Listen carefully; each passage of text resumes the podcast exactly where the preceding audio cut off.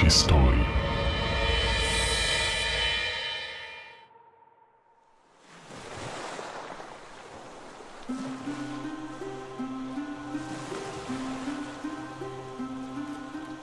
Marzenia o odnalezieniu pirackiego skarbu stały się celem życia wielu poszukiwaczy. Stare mapy, zagadkowe wpisy w dziennikach oraz historie opowiadane w obskurnych tawernach przez pijanych żeglarzy. To wszystko od dawna rozpalało wyobraźnię ludzi, każąc im podążać do najdalszych zakątków świata, tropem ukrytego złota, srebra i klejnotów. Pod koniec XIX wieku dołączył do nich niemiecki inżynier August Gisler. Przez blisko trzy dekady był on uwładnięty obsesją na punkcie odnalezienia pirackiego łupu, który według legend miał być ukryty na odległej wyspie kokosowej. Aby zrealizować swoje marzenie, gotów był poświęcić wszystko, co było dla niego najcenniejsze. Niezmordowanie dążył do celu, nie zwracając uwagi na wszelkie problemy i przeciwności losu. Wierzył, że skarb był na wyciągnięcie jego ręki. Choć wulkaniczna wysepka na Pacyfiku nie zamierzała zbyt łatwo podzielić się z nim tym, co miała najcenniejszego, uparty Niemiec nie zamierzał się poddać. W poszukiwaniach dzielnie pomagała mu żona. Opuszczeni przez wszystkich nie tracili nadziei i wiary na ostateczny sukces. Jednak zadanie, którego się podjęli, okazać się miało znacznie trudniejsze niż oboje przypuszczali. Tajemnica Wyspy Skarbów.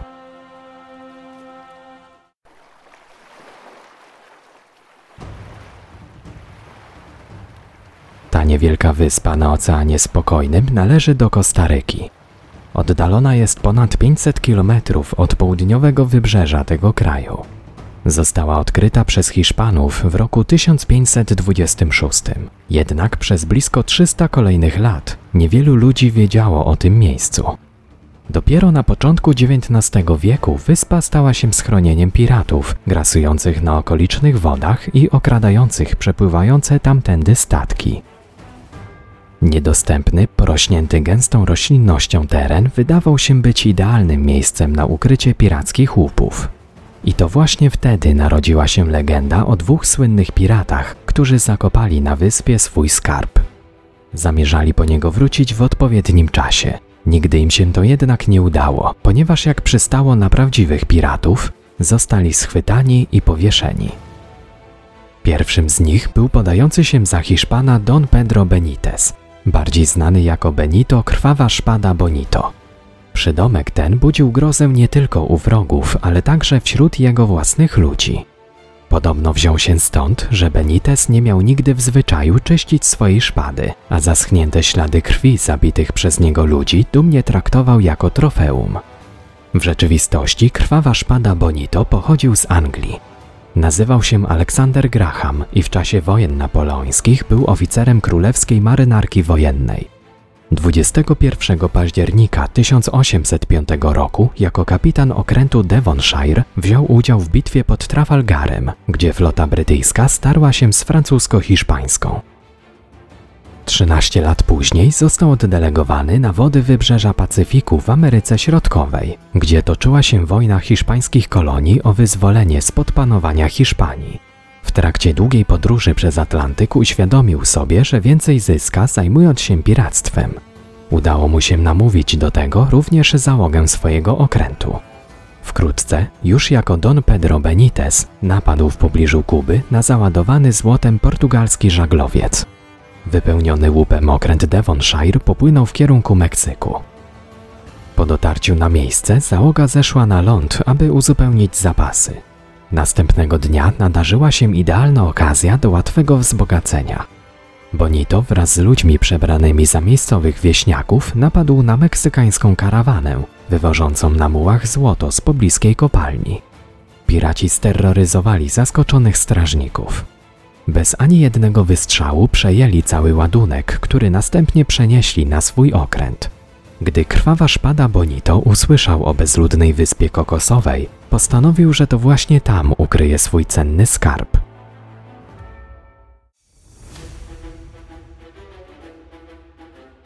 Przez następne miesiące angielski kapitan z powodzeniem napadał na hiszpańskie okręty.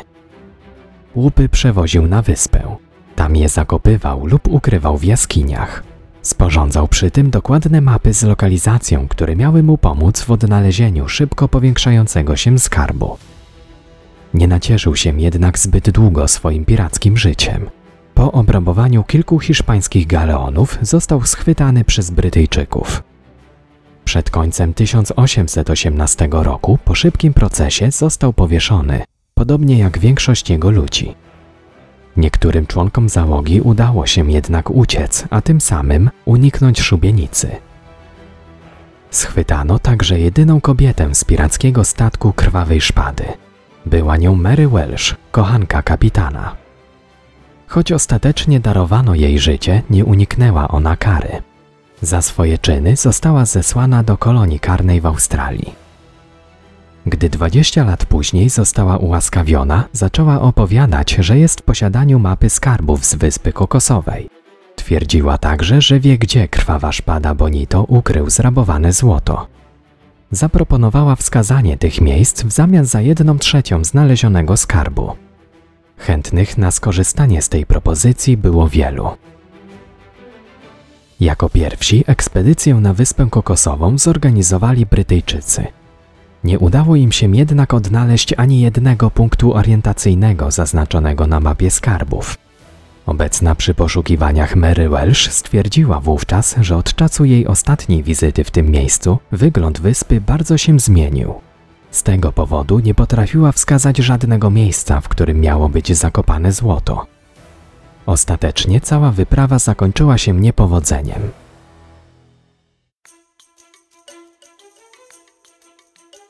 W roku 1820, kiedy argentyński generał José de San Martín, przywódca powstania narodów Ameryki Południowej przeciw hiszpańskiemu panowaniu, wraz ze swoimi oddziałami zmierzał w stronę stolicy Peru, Hiszpanie postanowili wywieźć z tego miasta i ukryć cały znajdujący się w nim skarb Limy.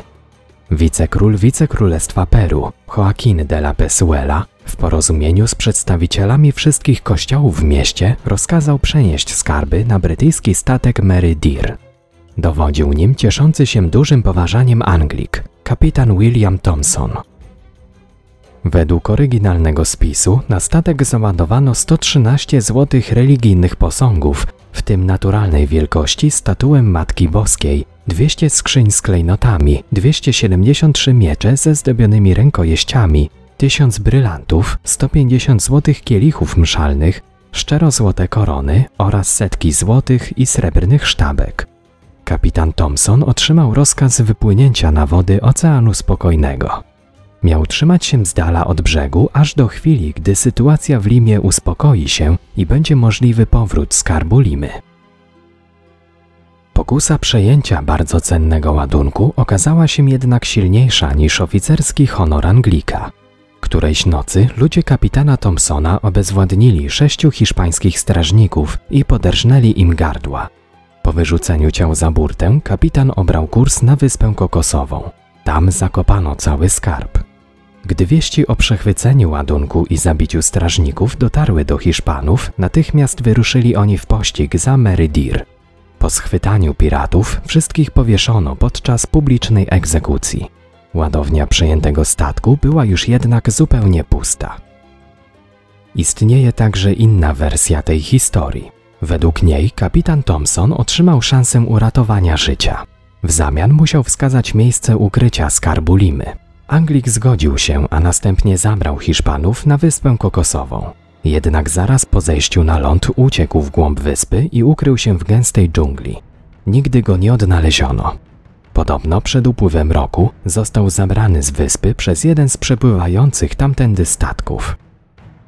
Kilkadziesiąt lat później kanadyjski żeglarz John Keating twierdził, że nie tylko osobiście poznał kapitana Thompsona na Kubie w latach 40. XIX wieku, ale nawet zaprzyjaźnił się z nim. Anglik miał mu zdradzić miejsce ukrycia cennego łupu. Razem zorganizowali wyprawę i odnaleźli skarb. Za swoją pomoc Keating miał otrzymać jedną dziesiątą znaleziska. Czy kanadyjski żeglarz mówił prawdę? Jest to mocno wątpliwe. Nie istnieją bowiem żadne świadectwa tego wydarzenia. Nie są również znane relacje świadków, potwierdzające, że choć jeden przedmiot będący częścią skarbu Limy był kiedykolwiek w posiadaniu Keatinga. W kolejnych latach wielu poszukiwaczy i awanturników pojawiło się na Wyspie Kokosowej. Owładnięci marzeniami o odnalezieniu cennego skarbu próbowali dotrzeć do ukrytych bogactw. Jednak warunki pogodowe panujące na wyspie nigdy nie sprzyjały poszukiwaczom. Uciążliwe upały, często przerywane ulewnymi deszczami, skutecznie odbierały ochotę na kopanie w twardym gruncie. Zapał każdego śmiałka ogarniętego rządzą łatwego wzbogacenia się bardzo szybko przygasał. Jedni wytrzymywali kilka miesięcy, inni uciekali z wyspy już po kilku dniach. Jednak jeden z poszukiwaczy okazał się być dużo silniejszy i znacznie bardziej uparty niż wszyscy jego poprzednicy. Tym człowiekiem był niemiecki inżynier August Gisler, który legendarnego skarbu szukał przez prawie trzy dekady. Walcząc ze swoimi słabościami i wszelkimi przeciwnościami losu, wytrzymał najdłużej ze wszystkich. Gdy po raz pierwszy postawił swoją stopę na wyspie kokosowej, nie zdawał sobie jeszcze sprawy, że spędzi na niej łącznie blisko 20 lat. August Gisler urodził się 9 września 1857 roku w niemieckim mieście Remscheid, leżącym niecałe 40 km na wschód od Düsseldorfu. Był trzecim z 11 dzieci miejscowego producenta noży. Ojciec za wszelką cenę starał się nakłonić najstarszego syna, aby wzorem swoich młodszych braci poświęcił się pracy w rodzinnej firmie. Na próżno. August od najmłodszych lat marzył o zupełnie innym życiu, pełnym przygód i sławy. Wbrew rodzicom ukończył studia i został inżynierem. W wieku 22 lat opuścił rodzinne miasto, aby spełnić swoje marzenia o dalekich podróżach. W roku 1881 trafił na brytyjski żaglowiec płynący z Londynu do Honolulu na Hawajach. Ta podróż na zawsze odmieniła jego życie. Przemierzając Atlantyk, Gisler zaprzyjaźnił się z portugalskim marynarzem Manuelem Cabralem. Wspólny rejs upływał im na długich rozmowach przy butelce rumu. Podczas jednej z takich pogawędek Cabral opowiedział mu o swoim dziadku, który kilkadziesiąt lat wcześniej pływał po tych samych wodach. Portugalczyk przyznał, że on sam wyruszył w podróż śladami swojego przodka, mając nadzieję, że pewnego dnia odnajdzie tajemniczą wyspę, o której opowiadał mu dziadek. Dowodząc prawdziwości swoich słów, Cabral pokazał Gislerowi stary skórzany dziennik, w którym dziadek Manuela spisał historię swojego życia. Niemiec nie mógł wierzyć własnym oczom. Trzymał w ręku wspomnienia prawdziwego pirata z początków XIX wieku. Już pierwsze pożółkłe strony sprawiły, że Gisler nie był w stanie przerwać lektury. Z dziennika dowiedział się, że w młodości stary Cabral był portugalskim biednym rybakiem. Podczas jednego z rejsów jego łódź straciła żagiel. Przez kilka następnych dni dryfował po otwartym oceanie. Uratowali go piraci. W zamian za ratunek zmusili Portugalczyka do służby na pirackim statku. Tam dziadek Cabrala, wedle jego własnych słów, miał poznać dowódcę pirackiej załogi, jednego z najgroźniejszych piratów tamtych czasów, Don Pedro Beniteza, znanego jako krwawa szpada Bonito. Dziennik prawdziwego pirata wzbudził u Gislera ogromny zachwyt. Całymi dniami czytał o bukanierach, hiszpańskich galeonach i krwawych potyczkach na wodach Pacyfiku. Najbardziej zainteresował go fragment wspomnień o przejęciu przez krwawą szpadę hiszpańskiego żaglowca z cennym ładunkiem na pokładzie. Dziadek Cabrala opisał także moment ukrycia skarbu. Po kilku dniach żeglugi na południowy zachód od wybrzeży Kostaryki, marynarz z bocianiego gniazda ujrzał niewielką wyspę. Choć stary Cabral nigdy o niej nawet nie słyszał, kapitan dobrze znał to miejsce. Już wcześniej ukrył tam zrabowane meksykańskie złoto. Na kolejnych stronach starego dziennika Gisler przeczytał o tym, jak załoga pirackiego statku wyszła na ląd w okolicy zagajnika palm kokosowych. Kapitan statku razem z dziadkiem Cabrala ruszyli w głąb wyspy. Szli około kilometra w górę strumienia, docierając do kolejnego zagajnika. I właśnie w tym miejscu krwawa szpada Bonito postanowił ukryć swój łup. Po kilku dniach Gisler znał już na pamięć wspomnienia uratowanego portugalskiego rozbitka, którego siłą wcielono do pirackiej załogi. Wykopałem dół głęboki na dwóch mężów. Wrzuciliśmy do niego cały skarb. Kapitan za pomocą kompasu ustalił namiar, ale nam go nie zdradził. Ja sam także dokonałem ukradkiem pomiarów na własny użytek, opierając się na linii prostej od ujścia strumienia do okrągłej skały. Skarb zakopaliśmy dokładnie 580 kroków na południowy zachód od ujścia i 20 kroków w tył od zagajnika palm kokosowych. Gisler zrozumiał, że miał do czynienia z wyjątkowym dokumentem, szczegółowo opisującym nie tylko miejsce ukrycia pirackiego skarbu, ale i charakterystyczne punkty odniesienia oraz odległość podaną w krokach. Dodatkowo na jednej ze stron dziennika dziadek Cabrala ręcznie naszkicował mapę ze znakiem X, oznaczającym miejsce zakopania skarbu. Najistotniejszym dla niemieckiego inżyniera był fakt, że nikt poza nim i Manuelem nie widział wcześniej tej mapy. Gislerowi brakowało jednak najważniejszej informacji. Choć znał dokładną lokalizację ukrytego skarbu, to wciąż nie wiedział, jak nazywa się wyspa, o której pisał stary Cabral. Gdy August Gisler dotarł w końcu do Honolulu, myślał tylko o dwóch rzeczach. Jak ustalić nazwę tajemniczej wyspy oraz skąd wziąć pieniądze potrzebne na ekspedycję. W celu zdobycia środków zatrudnił się na plantacji bananów. Tam znowu uśmiechnęło się do niego szczęście. Spotkał człowieka o nazwisku Bartels. Dzięki niemu Niemiec poznał kolejne szczegóły, które przybliżyły go do zidentyfikowania wyspy skarbów. Podczas jednej z rozmów Bartels opowiedział mu o swoim nieżyjącym teściu. Stary mak także osobiście poznał krwawą szpadę, ponieważ, podobnie jak dziadek Cabrala, był członkiem jego pirackiej załogi. W ostatniej chwili uniknął schwytania przez Brytyjczyków. Zanim to się stało, wziął udział w kradzieży ładunku hiszpańskiego galeonu u wybrzeży Acapulco.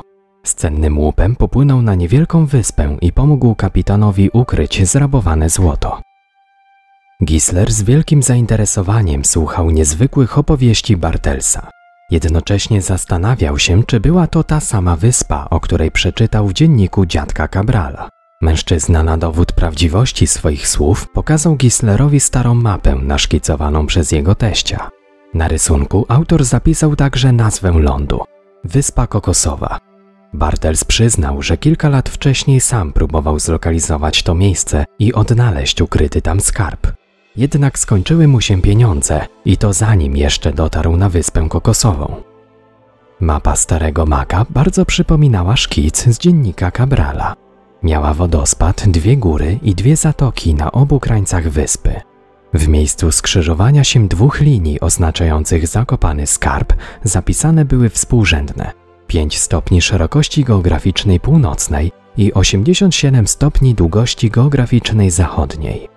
August Gisler zdobył w końcu to, czego szukał, czyli nazwę wyspy.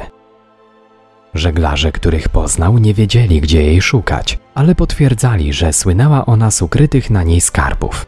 Piraci zakopywali na niej zrabowane złoto, srebro oraz klejnoty. Jednak z najróżniejszych powodów nigdy po swój skarb nie wracali. I nie dlatego, że nie chcieli lub o nim zapominali. Po prostu nie zdążyli, ponieważ wcześniej zostali powieszeni. Niemiec był pewny jednego, że skarb, o którym słyszał, wciąż był ukryty gdzieś na wyspie. Postanowił zrobić wszystko, aby go odnaleźć. August Gisler przeniósł się z Honolulu na południowe wybrzeże Kostaryki. Tam przez kilka kolejnych lat przygotowywał się do wyprawy swojego życia. W roku 1888 uzbierał w końcu wystarczające fundusze. Namówił do udziału w wyprawie kilkunastu śmiałków oraz zdobył sprzęt potrzebny do eksploracji wyspy. Udało mu się również przekonać kapitana szwedzkiego żaglowca, aby ten, płynąc do Chile, zabrał ekspedycję Gislera na wyspę kokosową. Dodatkowo uzgodnił, że statek zabierze ich z wyspy trzy miesiące później, podczas swojego rejsu powrotnego. Dotarcie na wyspę miało potrwać około tygodnia. Początkowo nic nie zwiastowało kłopotów. Jednak gdy statek zbliżył się na odległość zaledwie 60 mil morskich od wyspy kokosowej, natknął się na potężny sztorm. później wiatr zupełnie zamarł. Żaglowiec dryfował po Pacyfiku przez kilka kolejnych dni, coraz bardziej oddalając się od wyspy. Kiedy warunki pogodowe poprawiły się, kapitan oznajmił Gislerowi, że nie może zawrócić, ponieważ musi dopłynąć do portu docelowego na czas.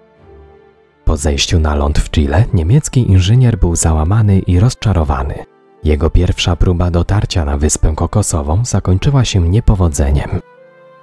Choć wydał ogromne pieniądze na przygotowania, znalazł się prawie 5000 kilometrów od upragnionego celu, a mimo to nie zrezygnował. Przez następne miesiące starał się przekonać miejscowych kupców do sfinansowania kolejnej wyprawy. Kilku z nich zdecydowało się pokryć koszty wynajęcia statku i rejsu na wyspę. W zamian zażądali jednej piątej części znalezionego skarbu. Niemiec zgodził się bez namysłu. Tym oto sposobem, w lutym 1889 roku, niemal 8 lat po przeczytaniu dziennika Starego Cabrala, 32-letni August Gisler znalazł się na Wyspie Kokosowej. Gdy po raz pierwszy stanął na jej brzegu, czuł, że jego największe życiowe marzenie zaczęło się spełniać.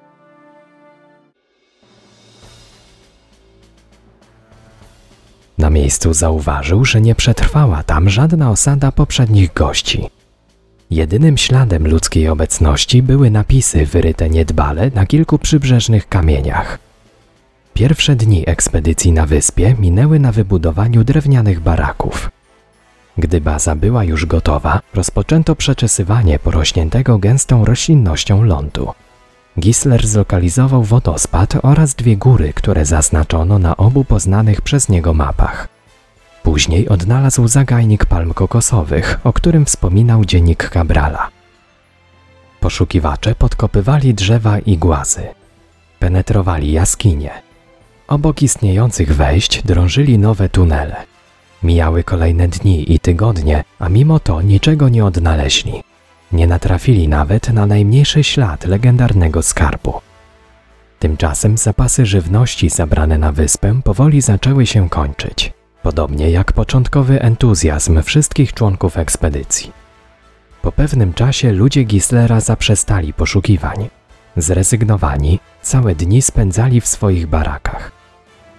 Tylko niestrudzony Niemiec od świtu do zmierzchu samotnie przemierzał wyspę i kopał, metr po metrze, coraz dalej i coraz głębiej.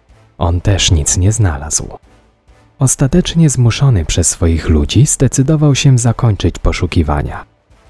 Pod koniec grudnia 1889 roku, ponad 10 miesięcy po swoim przybyciu, wyczerpani i rozczarowani mężczyźni opuścili wyspę i popłynęli do Kostaryki. Jednak w przeciwieństwie do swoich ludzi, August Gisler nie dał za wygraną. Niespełna rok później powrócił na Wyspę Kokosową. Tym razem dysponował liczniejszym i dużo lepiej przygotowanym zespołem. Pełen nadziei od razu zabrał się do ciężkiej pracy. Po kilku dniach los się do niego uśmiechnął. Pewnego ranka wykopał kilka XVIII-wiecznych hiszpańskich złotych monet. Natychmiast ogłosił wielki sukces oraz zapowiedział rychłe odkrycie legendarnego pirackiego skarbu. Cały zespół z entuzjazmem przystąpił do powiększania wykopu, w którym znajdowały się monety. Kopano w coraz dalszych miejscach. Jednocześnie pogłębiono wszystkie dziury powstałe podczas poprzedniej wyprawy. Ekspedycja spędziła na wyspie kilka miesięcy. Jednak pomimo intensywnych prac okazało się, że odkopane hiszpańskie monety były jedynym odnalezionym skarbem. Uznano wówczas, że nie zostały one zakopane przez piratów, ale przez jakichś hiszpańskich poszukiwaczy, którzy dotarli na wyspę kokosową przed Gislerem. Rozgoryczony Niemiec zakończył poszukiwania i kolejny raz odpłynął z wyspy. Gislera po raz pierwszy ogarnęły wątpliwości. Był rozczarowany i załamany. Choć postępował zgodnie z instrukcjami starego Cabrala, nie znalazł opisanego w jego dzienniku miejsca ukrycia skarbu. Zrozumiał wówczas, że cała wyspa była terenem wulkanicznym, dlatego jej kształt i wygląd nieustannie się zmieniał. Po dwóch nieudanych próbach doszedł do wniosku, że jeśli nie zmieni swoich metod, to nigdy nie osiągnie zamierzonego celu. Miesiąc po powrocie do Kostaryki postanowił kontynuować swoje poszukiwania, ale w sposób zupełnie inny niż dotychczas. podjął wówczas decyzję o poszerzeniu obszaru poszukiwań. Chciał jeszcze raz przekopać wszystkie miejsca, w których mógł być ukryty skarb, a gdyby to nie przyniosło rezultatu, zamierzał kopać jeszcze dalej i jeszcze głębiej. Wiedział, że na przekopanie całej wyspy potrzebuje co najmniej kilku lat i że nie osiągnie tego, jeśli będzie tam tylko gościem. Postanowił więc na stałe osiedlić się na wyspie kokosowej. Przez ostatnie dwa lata doskonale poznał cały jej teren i panujący na niej klimat.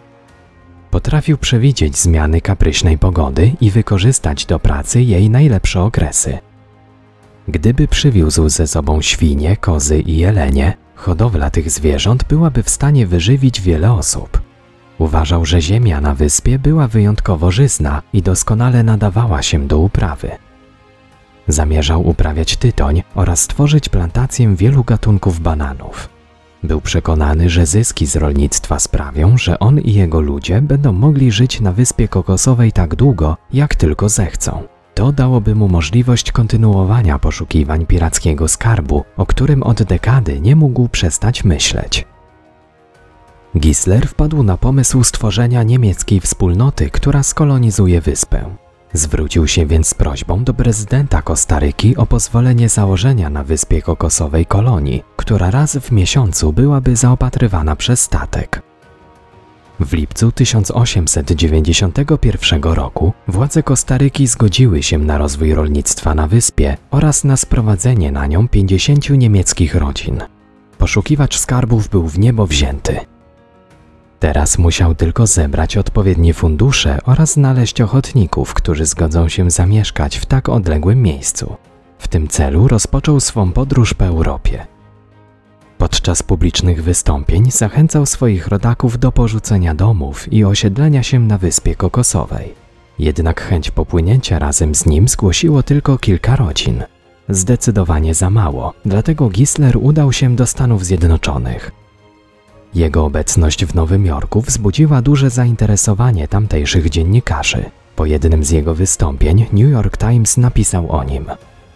August Gisler to żywa kopia rzeźby Mojżesza autorstwa Michała Anioła. Ma bujne włosy, kształtną twarz i czyste oczy, bystre jak u orła. Klasyczny nos. Głęboki i przyjemny głos pasujący do tego idealnego człowieka o wzroście prawie dwóch metrów. Jego męska sylwetka i masywne ramiona nadają mu wyglądu mitycznego herosa. Jego dłonie są wielkie jak dłoń opatrzności i tak twarde, że mógłby ich używać zamiast młota. Mimo tak pochlebnych opinii o nim nie zdołał przekonać do swoich planów ani przyszłych osadników, ani potencjalnych inwestorów. Ale uparty Niemiec nie poddał się i napisał kolejny list do władz Kostaryki. Wyjaśnił w nim, że nie jest w stanie zebrać odpowiednich środków do realizacji powierzonego mu zadania. Prezydent Kostaryki obiecał wspomóc go finansowo. Zapytał również, czego oprócz pieniędzy potrzebuje on do założenia kolonii. Gisler odpowiedział, że pragnie, aby oddano mu do dyspozycji całą wyspę. Połowę dla niego i połowę dla reszty osadników, których tam sprowadzi. Po krótkich negocjacjach jego warunki zostały przyjęte. Był to przełom, którego August Gisler bardzo potrzebował. W Kostaryce zarejestrował Towarzystwo Plantacji Palm Kokosowych. Do jego firmy szybko zaczęły spływać pierwsze fundusze przekazywane przez inwestorów oraz darczyńców. Wkrótce zgłosiły się do niego kolejne niemieckie rodziny gotowe do wyjazdu. Podczas przygotowań do podróży zakupiono drewno oraz materiały potrzebne do budowy stałej osady. Zebrano również zapasy pożywienia mające wystarczyć na pierwszy rok osadnictwa. Z Nowego Jorku August Gisler odpłynął nie tylko z nową nadzieją w sercu, ale i ze świeżo poślubioną żoną.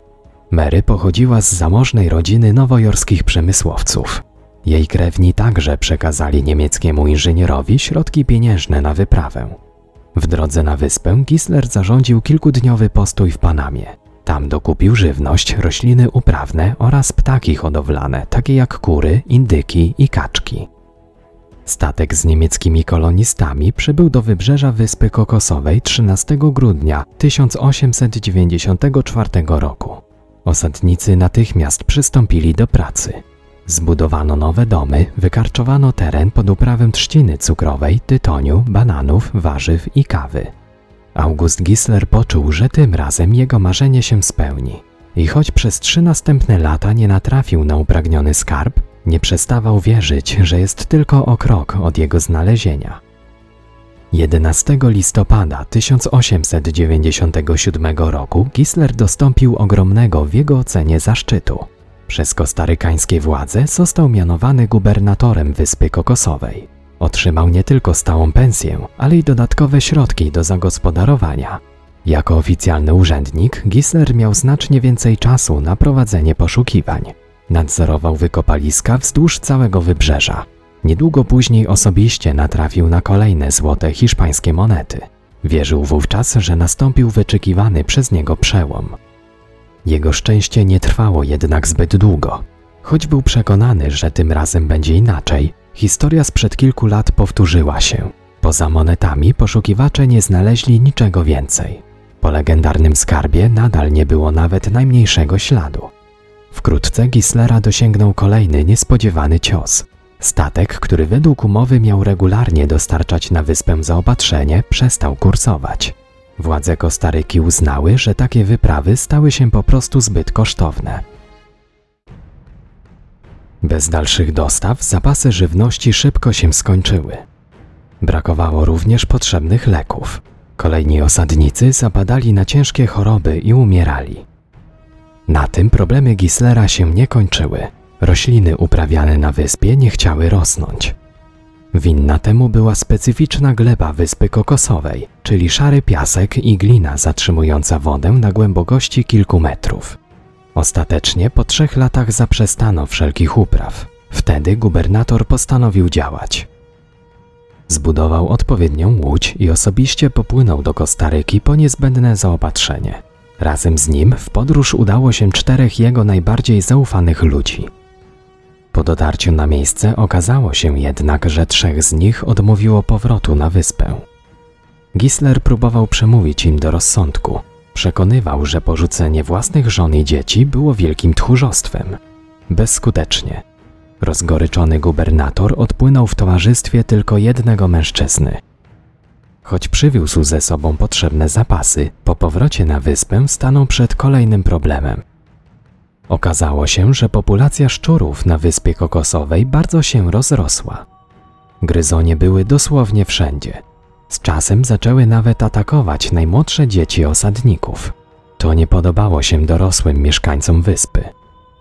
Już wcześniej rolnicy wykazywali coraz częstsze oznaki zniecierpliwienia. Gisler obiecał im, że staną się bogatymi plantatorami, a tymczasem głodowali i każdego dnia walczyli o przetrwanie. Do tego wszystkiego zaczęli się zmagać ze szkodnikami, których nie byli w stanie pokonać. Nie tak wyobrażali sobie życie plantatorów w nowej kolonii. Nie chcieli ciężko pracować. Skarżyli się również na to, że sami muszą zdobywać pożywienie. Poza tym nie byli przyzwyczajeni do panujących tam warunków pogodowych. Upał, duża wilgotność oraz częste ulewne deszcze mocno dawały im się we znaki. Po kilku latach mieszkańcy wyspy mieli już dość. Doprowadzeni do ostateczności ludzie zbuntowali się. Doszło do konfrontacji. Uzbrojeni w strzelby i kije osadnicy zebrali się przed chatą gubernatora wyspy. Zagrozili, że go zabiją, jeśli nie wywiezie ich z tego piekła. Jednak Gisler nie przestraszył się tych gruźb. Odważnie wyszedł do buntowników i wycelował w ich stronę broń. Krzyczał, że tylko on rządzi na tej wyspie, że jest nie tylko gubernatorem, ale także sędzią i katem. Następnie ogłosił stan wojenny, po czym kilka razy wystrzelił w stronę zgromadzonego tłumu. To wystarczyło, aby przestraszyć osadników. Bez słowa złożyli broń i rozeszli się do swoich domów. Nie był to ostatni przykry incydent w niemieckiej osadzie.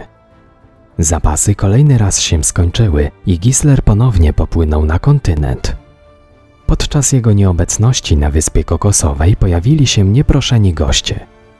Pewnego ranka w północnej zatoce zakotwiczył brytyjski okręt wojenny Wiktory.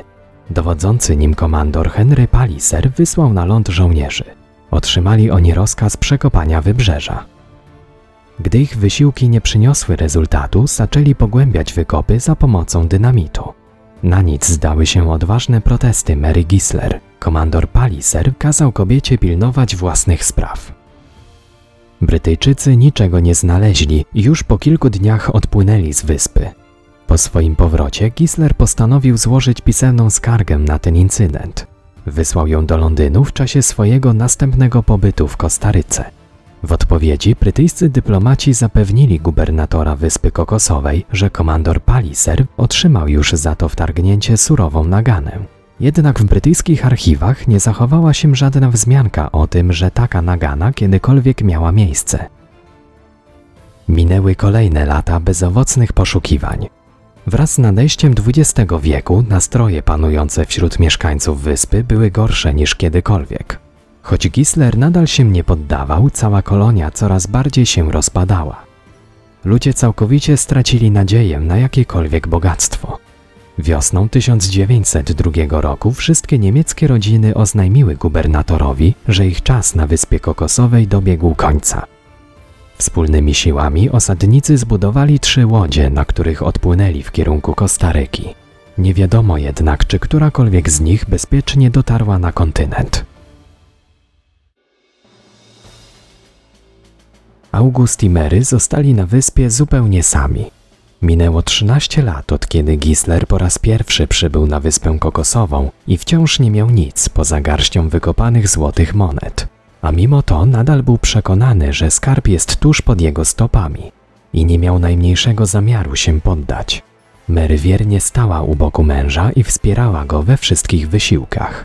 Mieli tylko siebie, dwie stare mapy oraz wiarę, że któregoś dnia los się do nich uśmiechnie.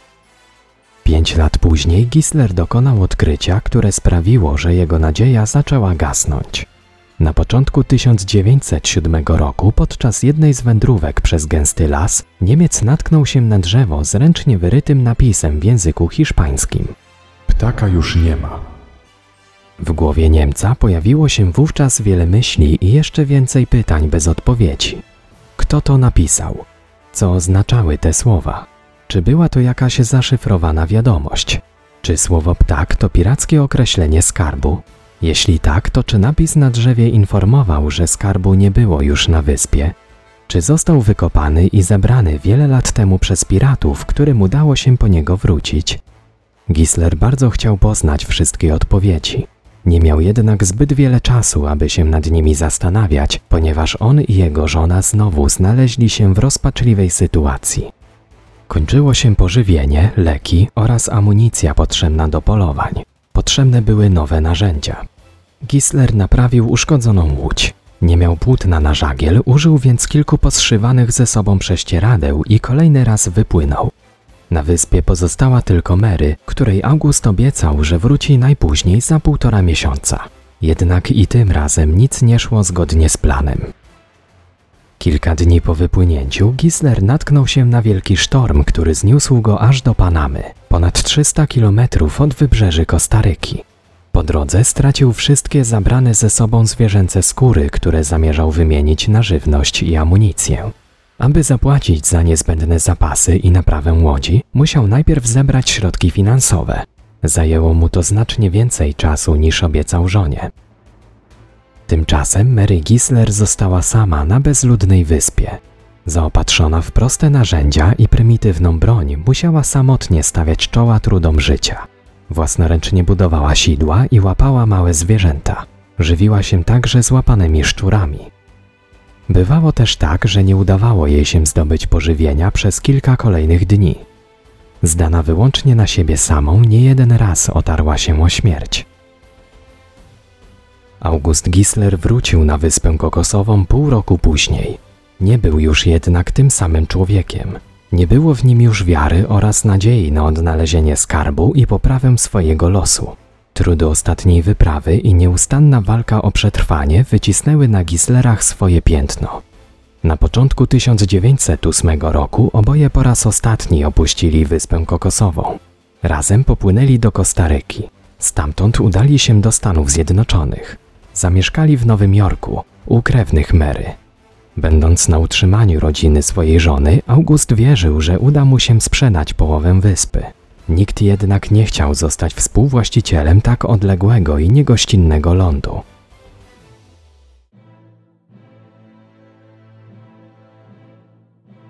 August Gisler przez blisko trzy dekady żył marzeniami o odnalezieniu pirackiego skarbu.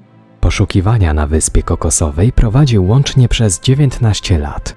Penetrował jaskinie, kopał tunele, przeczesywał gęste lasy.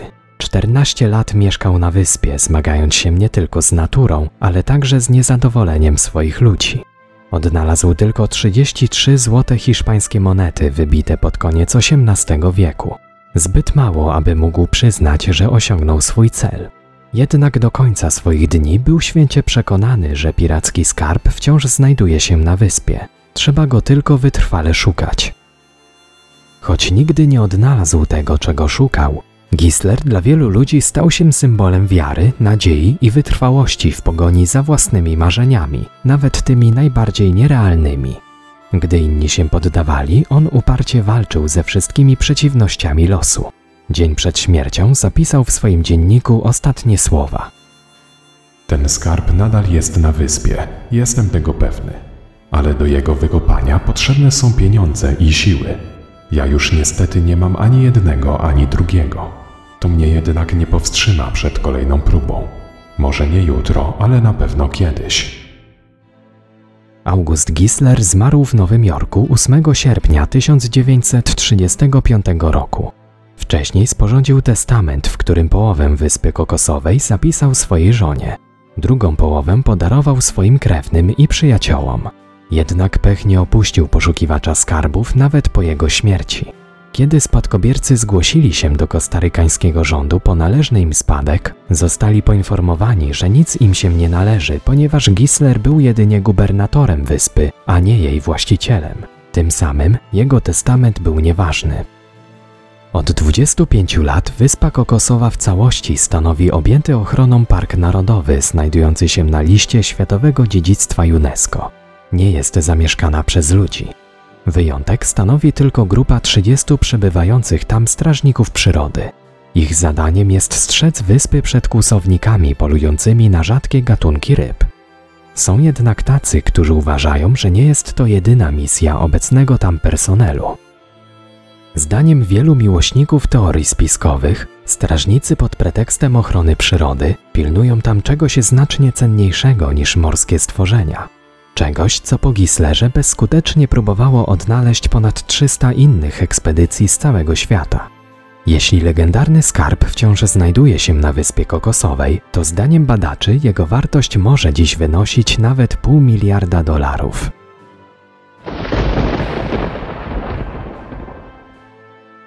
Tekst i realizacja Łukasz Włodarski. Czytał Hubert Pawlak. Podcast w mroku historii dostępny jest w serwisie YouTube oraz Spotify.